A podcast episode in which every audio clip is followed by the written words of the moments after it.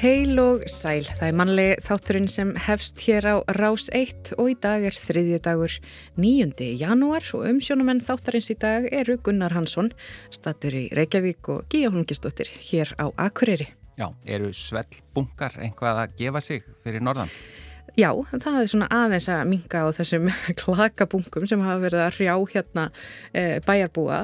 Það er það eru enþá þessi svona hýta þessar hýtatölur og það er hjálpa til við að, við að spórna við þessu já, sem betur fyrr Já, þetta er meir og minna fari hér í byli sko, þetta var bara í, það var undanfarin sólaring, hefur þetta verið eins og svona heitur hárblásari bara sem bregði þetta all Heitur hárblásari, það er ekki góð líking.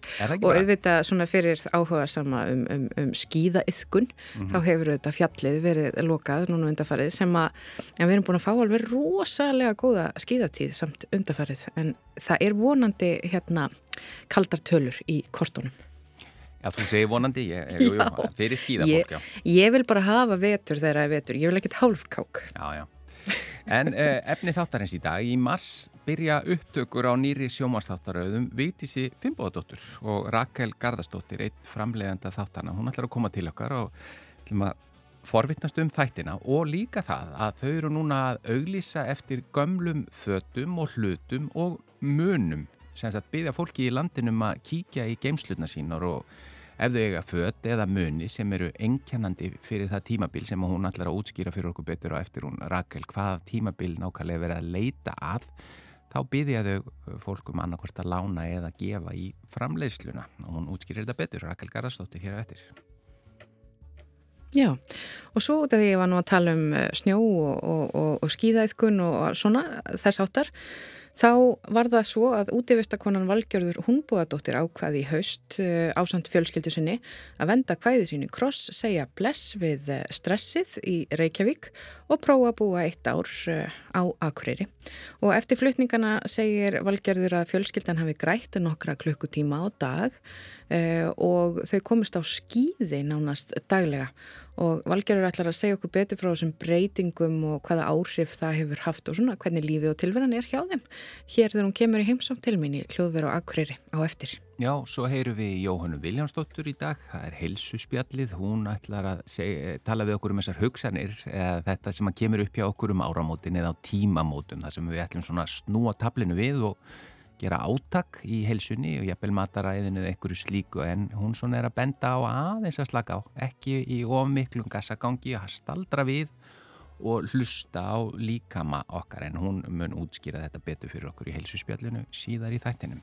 Já, en við byrjum á tónlist og það er nú bara tilhlýðilegt að setja hér á hljómsveit Ingimars Eidal, víst að útsendingin er svona hálf að norðan og það er lægið litla sæta ljúfan góða Víða liggja leiðir, laungum út frá seyðir, margur sinni æsku heiðir út á göldum sæ.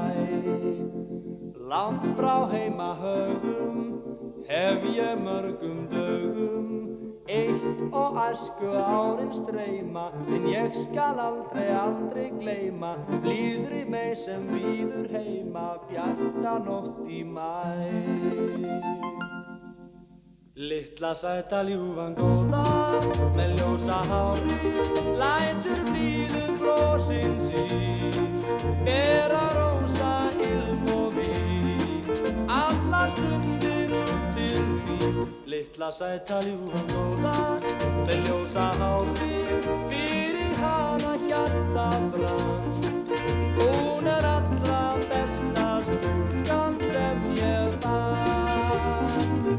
Hennar hlátur minnir mig á fossanni Af hennar munni vil ég teiga sólstíni Fossinn það sem hennar dillar til Er gossinn fyrsti minn Hennar auguljóma eins og hafi blá Ég hef ótrúlega hraðan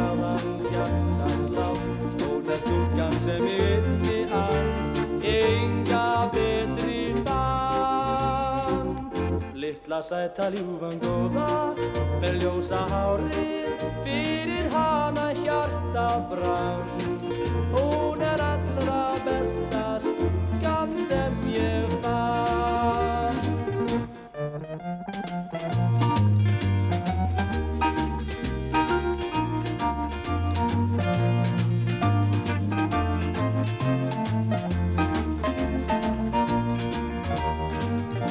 Hennar hlátur minnir mig á fossan Af hennar munni vil ég teiga sólstíni Gossins blæsi hennar gittlar ditt Er gossin fyrsti mér Hennar auguljóma eins og hafi flatt Ég hef ótrúlega hraðan hjartaslátt. Hún er stúlkan sem ég einni Ég enga betri bann Littla sæta ljúfan góða Með ljósa hári Fyrir hana hjarta brann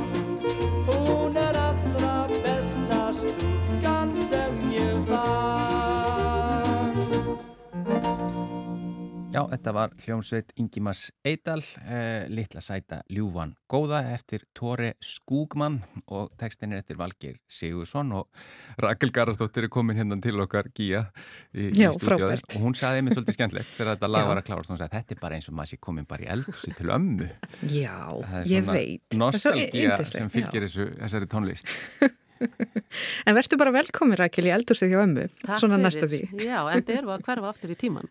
Já, já, einmitt, góð tenging, það er eins og þú sér útvarsmanniskan hérna. Það er máli sko að því að þið eru nú, þið sískinni og, og vesturports fólk, þið eruð ekki aldrei að ráðast neitt á garðin þar sem hann er lægstur og, og gerið ímislegt. Já. Og nú er það bara sjómanstættir um Vigdís í Fimbóðdóttur. Alveg, alveg rétt, Já. heldur betur. Hvað er þetta margi þættir? Við erum að fara í, í fjóra þætti, fjóra klukkutíma þætti, Já, þar sem að hérna, við förum í gegnum hvernig ung kona verður fyrsti kvennforseti í heiminum, lýraðaslega kosin. já, Þetta er alveg mögnuð saga, sagan en að Vigdísar er algjörlega mögnuð og á sama tíma er þetta svona uh, saga Reykjavíkur líka. já, og við byrjum hérna 1948 Mm. þá eigum við ennþá svolítið af stríðunu hérna uh, stelpur eru nýbyrjar að vera í buksum í skólanum. Veist, að, þetta, þetta eru svo breyttir tímar. Já, þetta er mikil tíma mót. Eh, mikil tímamót og bara öll þessi saga fram að, og svo endur við seríuna árið 1980 á, á svölunum þegar Vigdís er, er kosin. Þá, þá hætti þið. þá hættu við. Já, og, það, hérna, og, og hitt, hitt býður það bara betri tíma. Já, næstu en, en þetta, hún er svo hlaðin sagan hennar Vigdísar sem að ég er ekkit vissum að svo margir þekkja hún hefur gengið í gegnum alls konar kannski bara eins og við öll í lífinu við Já. hérna Mm. göngum öll í gegnum lífsins ólgu sjó og Vigdís svo sannarlega líka og alltaf hefur hún staðið uppi og þegar að þessi hugmynd kveiknar þegar við erum að lesa bókina frá sem að Páll hérna, Valsson skrifar Já, æfisögu Vigdísar þá fylgdi sér svo mikill von hún lendir í svo miklu og alltaf rís hún samt aftur upp. Það er alltaf von, það er alltaf hægt að halda áfram. Og mér það er svo fallegt. Og þá hugsaði ég af hverju hefur aldrei þessi saga verið sögði í, í sjónvarpi? Já. og, Og þið eru sem sagt búin að, eru að fara að byrja upptökur núna í mars, en hvað, sko, hvernig byrjuðu þið þetta ferli, hvernig byrjuðu þið, hvernig ákvaðu þetta og hvað hefur rannsóknarferli verið lengi? það hefur verið svona markvist kannski tíu ár.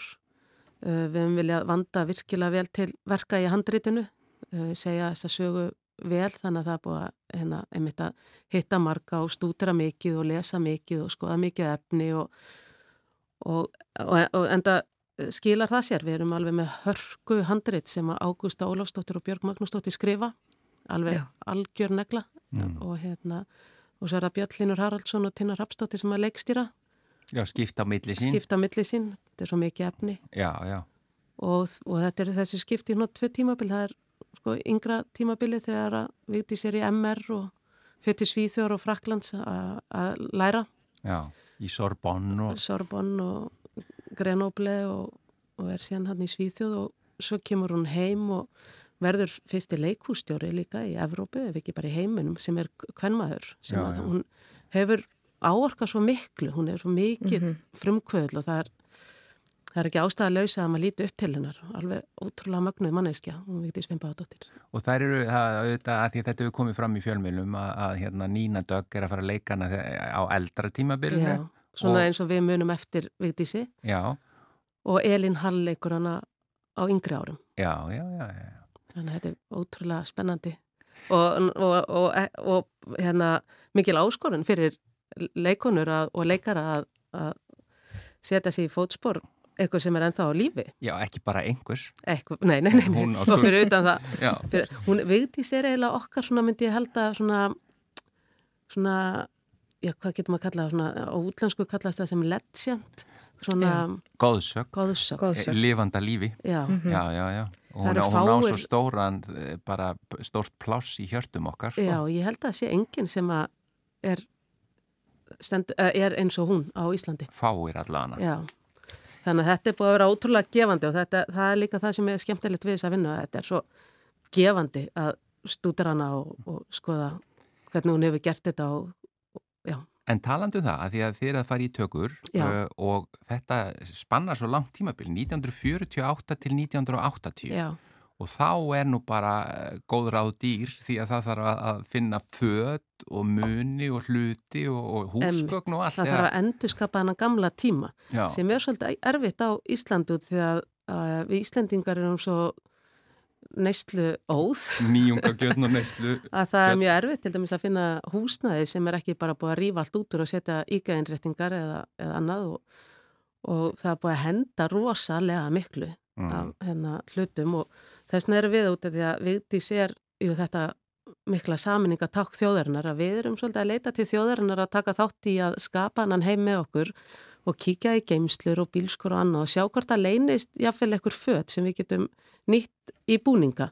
Og þá sérstaklega þarna að- þennan elsta hluta frá 1948 Já. hvort það sé ekki ekkur gimsteinar og það má vera og við erum ekki bara að leita á vigdísi, við erum líka að leita bara á, á, á allt hennar samferða fólk að koma náttúrulega margar frægar stjörnur hérna fyrir, eins og Albert Guðmundsson, Haldur Lagsnes og fleiri og svo Já. bara venjulegt fólk sem er út á götu og er með henni í skólanum og, og talandi um alla leikarna í yðn og því tímabili og fórseta frambjóðundunar á mótinni og það, er, það þarf að klæða marga. Já, fjörmarkar personur. Já, þannig að ef það, hérna, og það bara væri svo fallegt og frábært ef, ef það er eitthvað til, eitthvað starf sem að við vitum ekki um sem að geti nýst. Já, og það eru örglega margir svona að fara í gegnum geimslutna sína núna á nýju ári, þetta er kannski eitthvað áramóta heitt. Emmi, En hvað ef að fólk vil koma sér til ykkar eða finnur, eh, hvert getur það leitað? það væri eiginlega best að senda mér bara töl- tölvupóst á rakelhjá eða at vesturport.com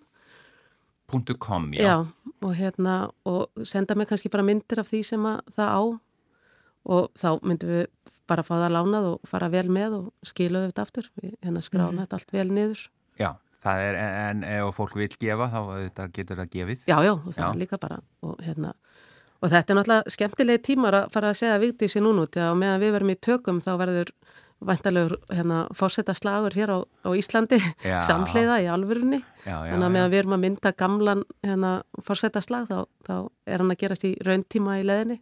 Já, Ég, ég var nýju ára í Flórida þegar hún var kosin. Já, Það er að segja við vorum fjölskyldan þá í fríi þar og þá auðvitað auðvitað Íslendingarnir mjög stoltir því að þetta var í öllum fréttum í bandaríkanum. auðvitað þetta er sögur. Þetta var svo stór frétt Já, og það var, ég man bara, að ég var svo lítill, ég var ekkert að pæla mikið í þessu en ég man bara hvað Íslendingarnir urðu stoltir. emmitt. Það bara, hérna, við, hækku, hækkuðu allir um nokkra sentimetra. Og við, eigum að vera stolt og því að síðan er aftur núna svo miklir umbróta tímar út af því að við sjáum að hvern leiðtóri í, í heiminum næst okkur eins og Margrét Danadrottning er að fara frá og þar er að koma kallmaðurinn. Mm. Breitlandsdrottning er farin og, og þar er komin kallleiðtóginn. Mhm. Um, við veitum náttúrulega ekki hvort það verður kallaða kona hér á Íslandi en, en það er aftur orðið svona, svona karlægt finnst mér í, já. í sem leiðtóa heim út í, hérna, já, í leiðtóa heiminum. Er Þannig að, þetta ekki komin 28 ár síðan að Vigdís hætti? Jú, hún sat 16 ár, 96, já. já. emmitt, En þú sagðir á það sem er áhugavert að því fyrst er það að auglýsa svona eftir þessu að því auðvitað hafa verið gerðar kvikmyndir hér og það er tilbúningasöfn og annað Mhm. og það er verið talsvert gert af myndum sem eru svona frá kannski setni hluta þessa tímabil sem Já. eru auglýsa eftir þannig að mögulega einmitt eins og segir ykkur, en ykkur vantar frá þessu fyrir hluta já, helst, já. og ef að þið nefnilega finnið ekki þá, þá þurfið þið jafnvel að leita erlendis Já, þá eru stórar búningarlegur sem eru til dæmis einn stærsta í heiminum er í Madrid og Spáni Já. Og við munum vantarlega þurfa að fara þangað en, en ef maður getur takmarka það maks sem að maður þarf að fljúa inn og Já. ég er alltaf hlint því að geta nýtt það sem er í heima byggð og næstmanni og, og aftur líka bara ef það er hérna, íslenskur fatnar þá er það meira svona þá, þá er það eitthvað sem var notað á Íslandi. Já, við þurfum ekki að fá spænsk fött. Nei, og Vigdi sjálf, hún er að lána okkur sín fött, þannig að það er gott fordami í því. Þannig að það var alveg magnað að fara í gegnum hennar fattaskap og sjá hérna Þannig þá sum af bara alvöru fötunum. Já, já, og það er líka bara skemmtilegt og fyrir leikar að geta klætt sér í alvöru í söguna. Ég ætlaði um að spyrja bara hva, hva, hver hennar og hva, hvort hún hefði verið með einhverja aðkomu og hver hún er. Hún er aðalega með þannig aðkomu að hún er hliðhaldverkefninu og er orðin mikil vinkon okkar já. og hérna og opaslega fallið vinóta og, og þannig að já, hún er bara svona, hún er með okkur en hún hefur ekkert áhrif á handriti og er ekkert að lesa eða skipta sér að því. Mm. en, en hún treystir ykkur. hún treystir okkur og er algjörlega með okkur í liði og segir okkur sögur og sínur okkur myndir og leifir okkur að fara í gegnum fötin sín og sem er alveg ómetanlegt. Þetta er alveg magnað æfintýri og ferðarlega að fara í gegnum. Æðislegt, heyrðu við bara aftur netvangi rakel.vestuport.com Já. Já, þannig að bara endilega Ég skora á íslensku þjóðin að skapa vigdísar heiminn með okkur Já, kík í geimsluna og ef þið munið eftir eh, einhver staðar að það eru fött eða hlutir eða munir. Emmitt. Já. Takk einilega fyrir Rakel Garðarsdóttir og gangi ykkur vel með þetta. Takk fyrir.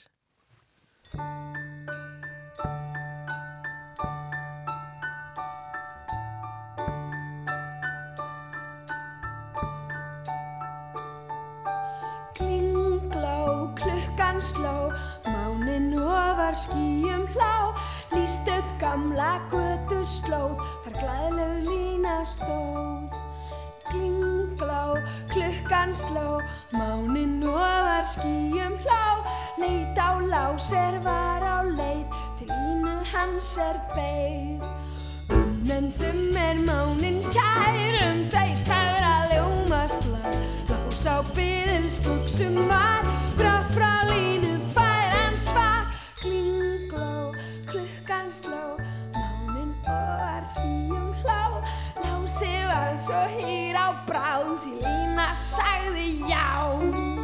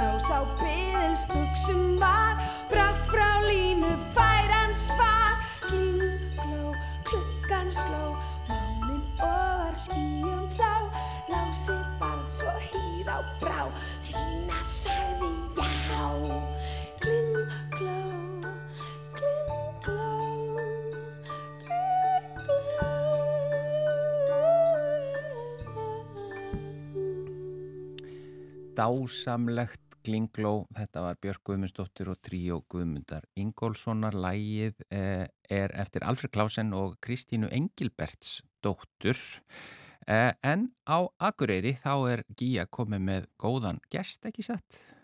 Jú, svo sannlega, hingaði komin útvistar konan Valgerður Húnbúadóttir sem að ákvað nú nýverið ásand fjölskyldu sinni að breyta til og prófa að búa í eitt ár hér á Akureyri og hún ætlar að segja okkur svolítið frá þessu hvaða áhrif þetta hefur haft á fjölskyldinu og hvaða svona er verið að barndúsa hér á svæðinu. Verður hjartalega velkomin, Valgerður. Sæl, þakka þér fyrir ekki að. Um, já, sko, þú ætlaður að segja bless við stressið í Reykjavík, auðvitað upplifið fólk það mismunandi, en, en þeir voru greinlega farin að upplifa uh, já, Reykjavík og það svæði og lífið ykkar þar, stressvaldandi. Stórborgina. já, við vorum sagt, búin að verja nýju árum í Brussel og Oslo og ákvaðum svona hæja aðeins á okkur og, og flýta til Reykjavíkur fyrir fimm árum. Mm. En upplifum kannski það að stressi minkaði ekki við að búa í Reykjavík og við vorum búin að vera að ræða þetta okkur á milli í nokkur ár hvort við ættum að prófa að taka nokkra mánuð einhverstar á Spáni eða í Fraklandi en eftir að hafa varið tveimur jólum hér á Akureyri mm. þá ákveðu að leggja draugin að því að prófa að láta það verða veruleika að koma og vera hér í ár og bara sjá hvernig það gengur. Mm -hmm. Og hvað var það við Akureyri sem að, eh, já, þið vildu koma hingað?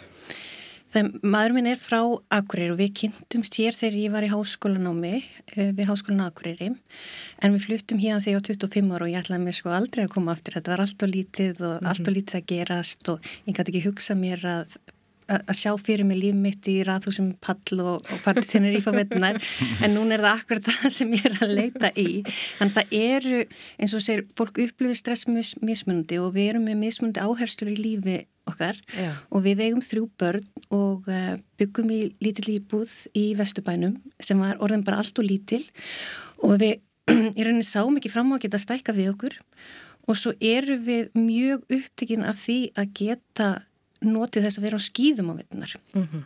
Já, þá er nú sniðið að vera norður sko. Já. Já. og þið hafið þá verið bara dottir svolítið í lukkupottin eh, núna allavega þetta höstið fjallið, skýðafjallið opnaði. Já, frekar snemma það búið að vera góð tíð og þið hafið getað nýtt ykkur það Já, við byrjuðum að fara á gönguskýð núna í november og höfum verið að fara oft í viku með börnin okkar á gönguskýði og svo svikskýðu öll jólinn og þó að það sé kannski ekkit rosalega góð sögskiðavika núna þessa vikuna þá er ennþá hægt að fara á gönguskiði og ég ákvað að gera tilraun að kveikja á skeiðklukkunni þegar við lögum að stað frá bílastæðin okkar Já. og slögt á hann á bílanstæðinu upp í Líðafjalli og þetta voru 7 mínútur og 16 sekundur og við vorum að verja 45 mínútum að keira upp í Bláfjöll. Oftast nú við vegna veðurs þannig þarna erum við að græða alveg hálftíma eða klukkutíma í hvers skipti sem við förum á skýði Já, og þú segir að þetta sé mikið fjölskyldu sport og þú Já. vilt svona að draga alla fjölskylduna inn í þetta. Já, því að mín upplifun eh, af gunguskíða íþróttinu er svo að þetta er mest miðaldra konur sem er að byrja í þessu sporti.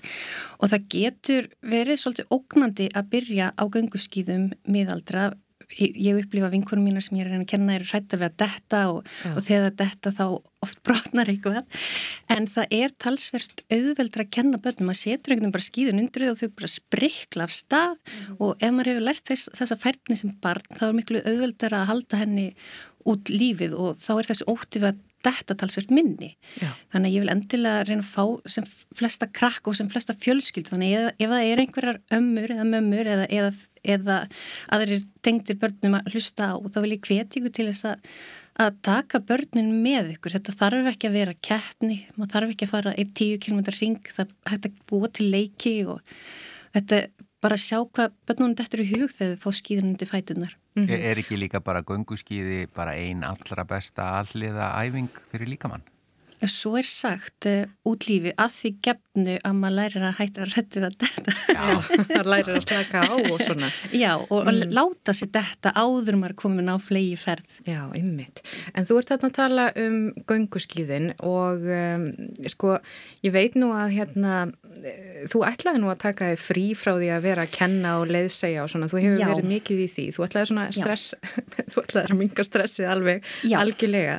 En það spurðir svolítið fljótt út meðal útífista fólk að þú væri komin hinga í byggðalægið og þú náður ekkert vera lengi án þess að vera að kenna og gera. Nei því þetta er svo fyndið að ég þurfti svolítið að vinna með að endur, hvað ég að segja hérna, um, svona endur hugsa hvað er starfsframi, hvað er starf þegar ég keminga því að helst áskorun fyrir uh, áðurum komum var að finna starf. Maðurinn minn uh, vinnur að heimann, fekk lefi til þess að vinna heimann í ár á meðan ég tók mér starf sem er langt frá því sem ég lærði og er að starfa sem eh, verkefnastjóri í verkmyndaskólum Akureyri.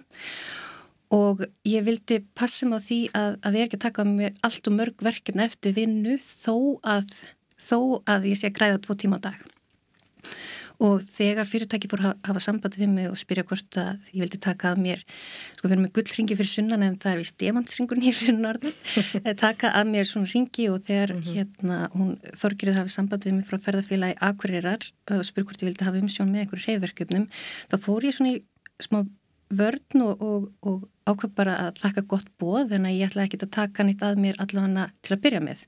En svo er ég náttúrulega að vinna með miklu útvista fólki og er að vinna með henni Bryndis Indíunu sem er alltaf kvöldi Inda og er mikil gangu skeiða kona sem hérna kom að tala við mig í vinnunni og þá er náttúrulega engi flóta leið Nei. og spurur hvort ég hef ekki áhuga að taka að mér að vera með ferðaskíðanámskeið en núna e, í februar og mars með henni fyrir ferðarfélag Akureyrar og það var bara allt og gott tilbúið til þess að hafna því að ferðaskín er svo allt önnur. Já, þú verður útskýra. Er það þá eins og gunguskíði eða já. einhvers konar annars konar gunguskíði? Nú já. skaldu bara útskýra þetta fyrir okkur. Þetta er, já, því að ekki spyrja hvað ég á mörg pöraskíðum. Eh, ferðaskíðin eru gunguskíði en um, þau hugsa þannig að við getum gengið á þeim í rauninni hvar sem er þar sem er snjór. Mm uh, og flestir þegar þeir eru árið gunguskið hugsa um svona tvö spór hlið við hlið uh, og taka 10 km ring en ferðarskiðin er þannig að maður getur bara lagt að stað hvar sem er. Og en því fylgir líka aukinn ábyrð því að um leiðum er komin út af spórum við erum svo góðu vön þegar við erum á gunguskíðum og svikskíðum við erum í upplýstum brautum sem búið er útbúið fyrir okkur en þegar við fyrir að ferðarskiði þá gerist það mjög fljótt að við getum vils bara um leið og kemur þoka og þannig að maður þarf að geta lesið í aðstæður, lesið í snjóulög og kunna svona smá rjötun. Þannig að ég og indumennum fara vera bæði með byrjandanámskeið og svo framhaldsnámskeið í þessu og svo náttúrulega þetta skrási í stakar dagsferðir og nokkra daga ferðir á ferðaskíði með ferðarfélagi Akureyrar. Já, já. Og talandi um þessi ferðaskíði, ferðagönguskíði, er þetta þá kannski meira í, í áttina að þeirri hefð sem að er svona meira í Skandinavíu, Noregi, Svíþjóð á þessum stöðum þar sem að gönguskíða yfkunin er stundið, að þetta að nota skíði sem er í rauninni fartæki? Já, Ég myndi segja það, þetta er svona kannski upprunlega hefðin það að nota skýði sem farskjóta til að komast á milli A og B, komast á milli bæja sem er kannski, það er alveg hægt á brautagöngu skýðin, það er bara erfið að halda jafnvægi á þeim utan brauta. Mm -hmm. uh, og þú hvetur auðvitað allar til þess að taka börnin með, að koma þeim sem fyrst á skýði svo að þau læri bara að, að, að nýta líka mann einhvern veginn á, á réttanhátt. Já og ég veit það eru margar, margar margir fóreldrar og ömur og afar sem eru að hlusta sem eru kannski að skrási í þessar Íslandsgöngur mm. og í þessum Íslandsgöngum eins og til dæmis Hermannsgöngunni sem er hér á Akureyri um þannastelgi þá er hægt að skrási í stuttavegalengt þessu fjóra kilómetra stundum jáfnvel þrjá og fimm endilega skrái barnaböndin og fari með þeim í tryggja fjóra og fimm kilómetra keppni og Já. sjá hvað gerist En eitt hérna sem, sem, sem höfðborgabúi sitandi hér í Reykjavík Já. og þú ert að tala um að hvað þið hafið í rauninni hvað hafi skapast mikið meiri ró og hvað þið spöruðu marga klukkutíma jafnvel að dag. Þú áðansaður hvað var stittra að fara upp í hlýðafjall en, en upp í bláfjall. En á hvaða annan hátt spariði ykkur tíma að búa fyrir norðan með að við til dæmis Reykjavík? Já, mér fannst ég náttúrulega spara mikið tíma þegar ég flutti frá Oslo til Reykjavíkur og ég er með svona hálfur að manja og ég verð að uh, eh, annarkur ganga, hlaupa eða hjóla í vinnuna, þetta, þetta bara líður mér miklu betur Uh, þannig að mér tókst að halda þeim lífstíl í, í Reykjavík. Um, en núna er ég bara tímundur lappi vinnuna sem er eiginlega bara allt og stutt þannig ég er yfirlega komin heim til mig korter yfir fjögur sem gerist aldrei í Reykjavík. Mm. og þegar ég kem heim þá er oft dætu mín að búna að koma sér til og frá frístundunum sínum. Þannig stundum ég lendi því að, að bara kvíla mig. Þannig ég held að við sem að spara ég hef ekki kvílt mig í mörg ár en svo hefur við líka grætt ansi marga fermetra því að við byggum hana í 85 fermetra íbúð í Reykjavík og sáum ekki fram á að geta stækka við okkur já, já. en við fundum indislega konun til að leiða okkar íbúð og svo voru hjón um 70 týra akkurir sem ákvaða að taka eitt frí ára á Kanaríum, það er náttúrulega mm. mismandi áherslur í líf fólk, þannig að við fengum mjög stóra íbúð hér til, láns, eh, til leigu í eitt ár. Glæsilegt, þannig að það eru alls konar breytingar sem að þetta hefur haft í förmessir, en heldur að þetta ár verði lengist? Ég, ég vona það en eins og ég segi þá er, er það er helsta áskorun er að finna starfið maður er ekki læknir eða hjógrunafræðingur og mm -hmm. fyrir náttúrulega það er hindrun og það kannski hæfir ekki öllum að vinna að heiman Nei. en auðvitað myndi ég vilja gera þetta aðeins lengur en eins og ég segi, svo er bara mismunandi áherslu í lífi fólks og, og Reykjavík er líka æðisleg, æðisleg staðar til að búa á. Mm -hmm. Já, takk fyrir þetta, takk fyrir að koma hérna til okkar og segja frá þessum svona áherslubreitingum í lífi þínu og, og líka svona að hvetja okkur þess að, að, að fara á skýði og njóta nótturunnar og hafa börnin með. Takk fyrir komin að valgjörður Húmbúadóttir. Takk, takk fyrir.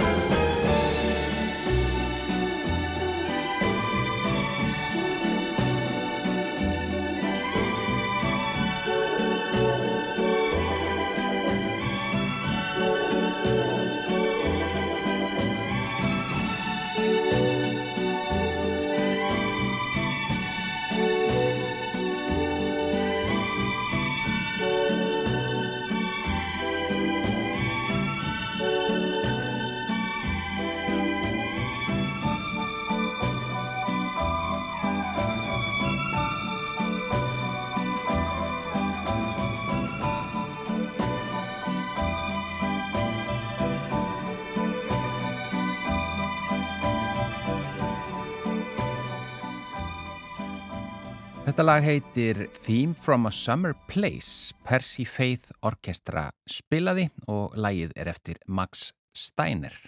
En eins og við sögðum frá upphafi þá er helsuspjallið með Jóhannu Viljáns e, í dag og nú er þetta svolítið sérstakt. Það er að segja Gíða er norður og agurir, ég er hér í, í hljóðveri Rúf í efstaleiti og Jóhanna, hvar er þú stött? Já, nákvæmlega, ég er stött í Oxford á Englandi Já. Þannig að þetta er alltaf mm. skemmtilegt að við séum að eiga þetta spjall saman hérna allir í sikkur lægi en hérna að við náum að tengja svona í gegnum, gegnum teknina. Já, já. já Blessu teknin, hún, hún bjargar manni oft. En hvað er þetta að gera betur. þarna úti? Sko ég er bara hérna að vísa bara fundum en ég er líka að, að stunda huglegslu. Hérna er svona stort jókasettur og hérna lifa uh, og búa jókar sem að eru svona í raunverulega dagleri ástundun, andleri ástundun og og, og í þjónustu fyrir samfélagið. Þannig að það eru þetta ábúrslega uppliftandi að fá að vera hérna og koma enga þetta er bara stórkvæmslegt herrasettur og mjög fallir landaregn og, og ég horfi hérna yfir teimsána þannig að það er nú ekki betri staður til þess að byrja árið svona næstu því.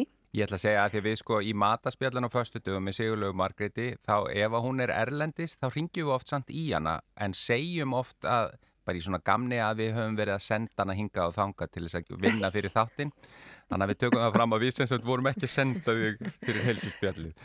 Jú, segðu það. Þið hafið verið að senda mig hingað. Þið viljum að ræða um þessar innri breytingar. Já, við vorum einmitt að senda þig þangað og, og, og, og hvað hva séru? Hvað hva hvers hefur orðið vísari? Nei, ég var einmitt að hugsa þetta. þetta hvað er komið 8. janúar núna? Nei, það er komið 9. janúar. Það er komið 9. janúar. Mm. Ég veit að bara tíminn flýgur og þetta, hérna, það er náttúrulega mikið búið að vera að tala um markmið og hvernig maður setja markmið inn í árið og Og, um, og mér langar ekki bara aðeins að koma inn á þetta þó þessi komið 9. janúar það er þetta fylgt að fólki búið að setja sér markmið og, og, og er jafnvel byrjað og er jafnvel búið að falla strax jú, jú.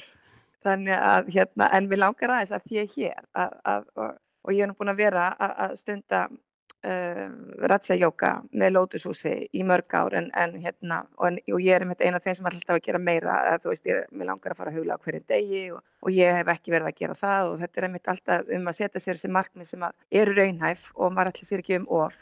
En, en þetta snýst svo mikið um okkar innri heim þannig að þú veist, eins og Jókarni segja og ég held að það sé bara alveg satt að, að okkar ytri heimur raunverulega er að endur spekla okkar innri heim. Bara hvort sem það er bara heimurinn í heilsinni eða bara okkar, okkar heimur bara sem að við lifum sjálf. Þannig að við þurfum auðvitað bara að byrja þar.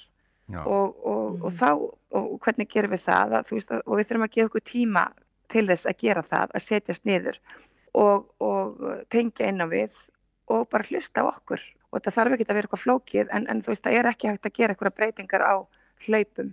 Veist, við þurfum virkilega að setjast niður og hugsa þú veist viljum við breytingar til að byrja með? Vegna þess að það er heldur ekki gott þegar við erum alltaf að tala um herri við viljum breyta og gera þetta og, og við erum endalust óana með okkur vegna að við gerum ekki breytingarnar.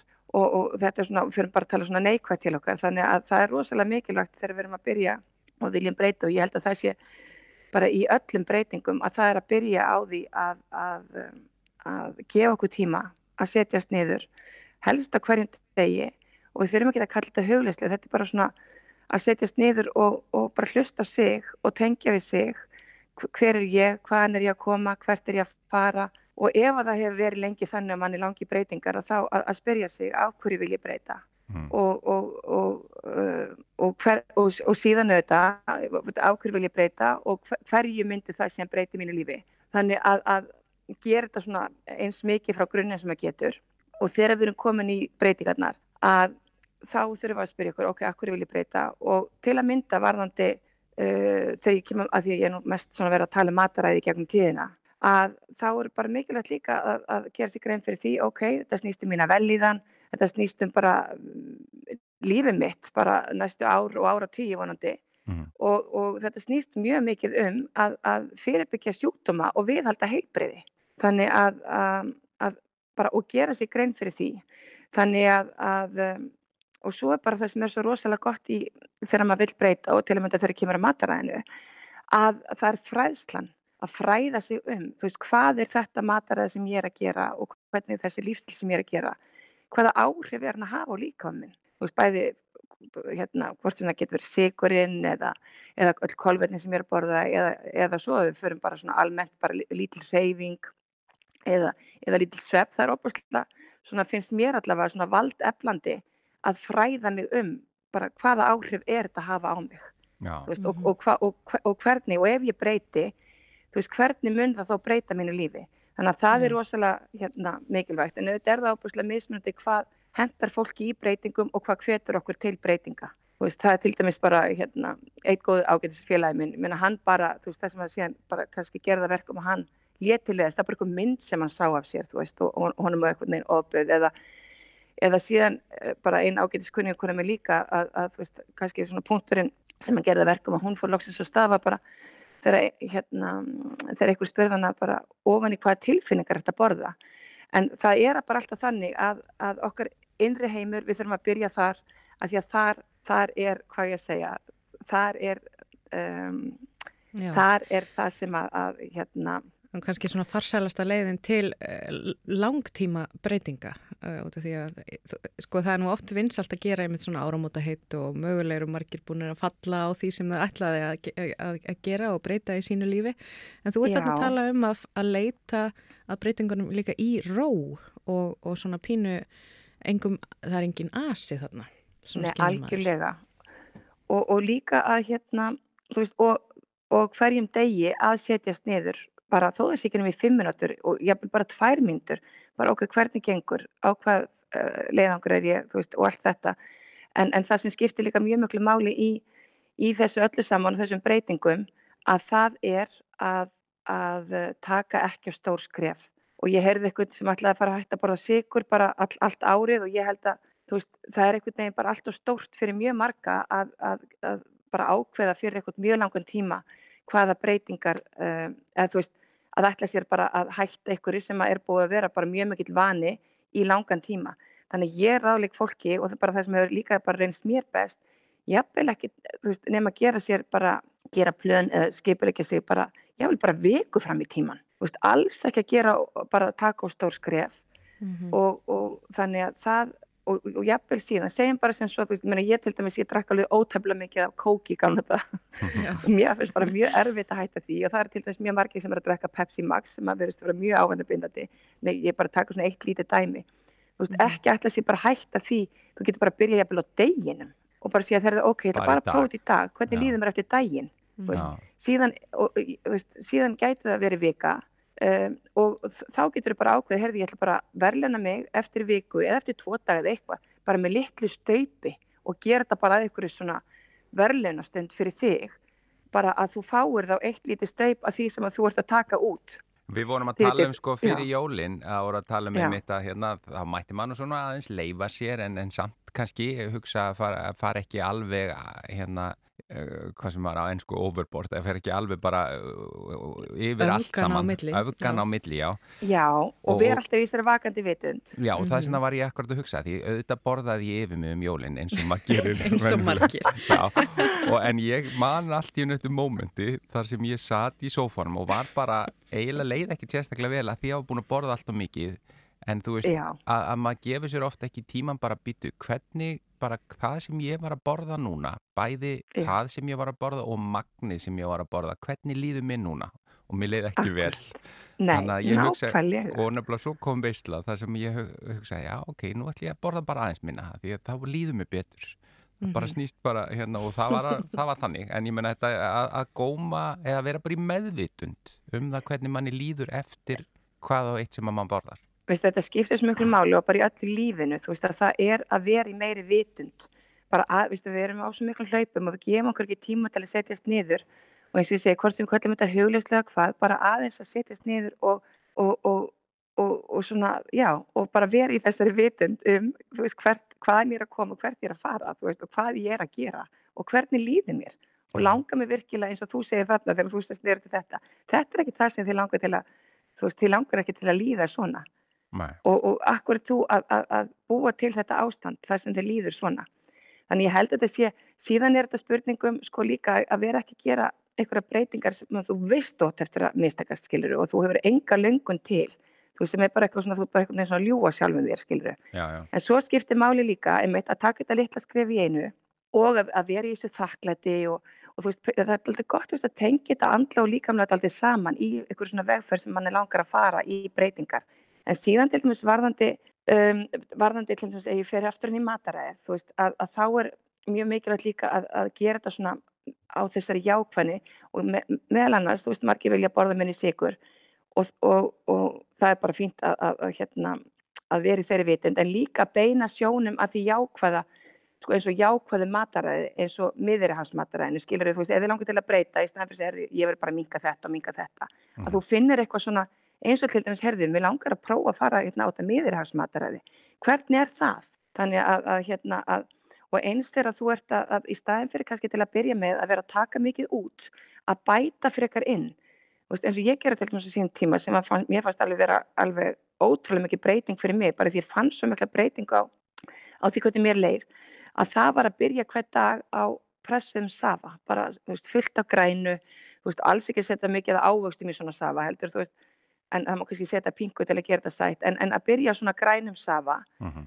og, og um leið og við erum búin að bæta inn einhverju næringaríku veist, í mataræð, sem er svona eins og vítamin sprengja, að þá líka hefur maður minni þarf á drastlinu og, uh -huh. og svo skiptir líka miklu máli, segjum til dæmis eins og að, hérna, að við eitt af okkar markmiðum sé að borða minni sigur og að þá að vera veist, vera búin að, að gera ráðstafanir, veist, að þegar þetta kemur upp, veist, þessi löngun í, í kolvetnin eða í sigurinn, að vera til dæmis með bara póka með, góðum netum og, og möndlum og jafnvel döðlum, þó að döðlu séu mjög sætar, þá er það líka mjög træfjaríkar og fullt af alls konar góðum efnum og þú ert kannski ekki að tróði í þig, eh, sko, 20 döðlum, en, en þú veist, það bara að taka, taka bita döðlunni og fá því smá netur með og síðan enn og aftur að borða í þessari vitund, veist, að njóta og tyggja, veist, ekki bara tróði í sig. Þannig að það skiptir rosalega miklu máli. Bara að, hérna, að hugsa eftir að maður er búin að borða matinn, hvernig líður mig núna eftir þennan mat? og eftir Já, þetta nákvæmlega. er Nei, og líka eins og ég segi, þú veist, að þegar þú vilt breyta, segjum að þú vilji borða minni sigur og þú vilji vera, þú veist, hérna, og, og, þú, og bara, þú ætlar að taka út, þú veist, nammi til dæmis og segjum bara sem svo að þú ætlar að gera það. Þú, þá getur þú til dæmis ákveð, vera bara með, bara þegar sigurlengurinn kemur upp, með þessan hitur og möndur og vera tilbúin í því. Þú getur til dæmis fengið bara pingu salt í munnin. Það stundum bara drepur niður. Þú getur verið tilbúin með avokado og hérna, og, og þú veist þannig að, að undirbóðið að til að mynda þegar þú ert að breyta þú veist þá kemur upp alls konar fíkn og, og löngun í, í sigurum því að hann er náttúrulega bara áhannabindandi alls einföldu kolvetni. Þannig að það skiptir máli vera undirbúin og jafnvel getur síðan sagt eins og ég var að segja áðan með þetta þú veist þegar ég ætla að hrósa mig með hérna einhverjum pínlítið súklaðamóla og, og borða hann í þakklæti og gera pingu svona hvað ég segja svona aðtöfn úr dæminu skilur Já. þannig Já, að þetta er það er mjög svona- gott að að hafa í Já. huga og, og, og einmitt ekki í engum gassagangi og, og að hlusta á líkamann en hérna, Já. Jóhanna hlusta þú nú á Já. líkamann út í Oxford Við, Ég ætla að gera það. Hérna í, Það er eitt í lokin, kannski Já. líka sem ég langar að hvetja fólk til að gera, af því ég talaði aðeins um þetta fyrir áramatinn, Já. að það eru fösturnar Já, og, og bara þó það var ekki nema að byrja á því að, að sko passa upp á það að líka með fái alltaf 12 tíma frí sem er bara, og breakfast, breaking the fast er bara, bara veist, þetta orð kemur bara frá því að þú ert að brjóta föstuna. Já, en við erum oft mörg fyrir að borða fram á kvöld og, og, og, og hérna og bara líka með fær ekki þessa pásu sem að þarf. Og líka til að skipta úr bara þessari brennslu á, á kolvetnum yfir í brennslu á fytu en ég getum farið hans betur í já fyrstu förum betur í, í uh, föstudag næst. En við sendum bara Já. bestu kveður út til Oxford bara rétt í lokin hvernig er veðrið Vistu það, það er bara ótrúlega svona mildt og gott. Það er búið að vera mikið rigningar eins í Evrópu þannig að Thames áen hefur flætt hérna langt yfir bakka sína en það er óbúslega fallegt og, og grasið er grænt og ég veit samt ekki alveg hvert hitast í það hvernig við erum heima Það er það allan er hérna fyrir mismunandi. Hvernig er það fyrir norðan? Það er klaki alveg út um allt og já, já. Skulum ekki dræða meður um veðrið, það er, höldum okkur við jákvæða hlutina, en Jóhanna bara, bestu kveðjur og takk fyrir þetta heilsuspjall. já, sem við leiðis Bye bye. gaman að heyri ykkur, bye bye Sem leiðis, bless.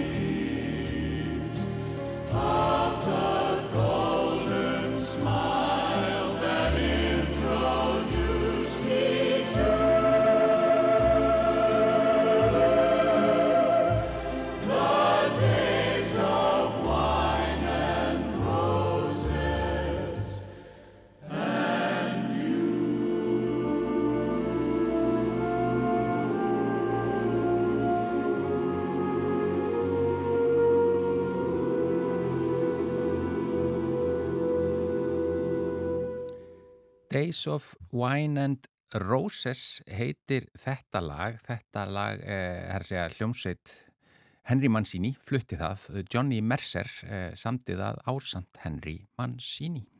Já, notalegur eh, svona, notaleg tilfinning í þessu lægi og frábærlega bara til að enda þennan þátt. Það er, mannlegi þátturinn er búinn í dag, þennan þriðju dag en við verðum hér aftur á morgun á okkar sama tíma. Já, þökkum innilega fyrir samfylgdina í dag. og verðið sæl.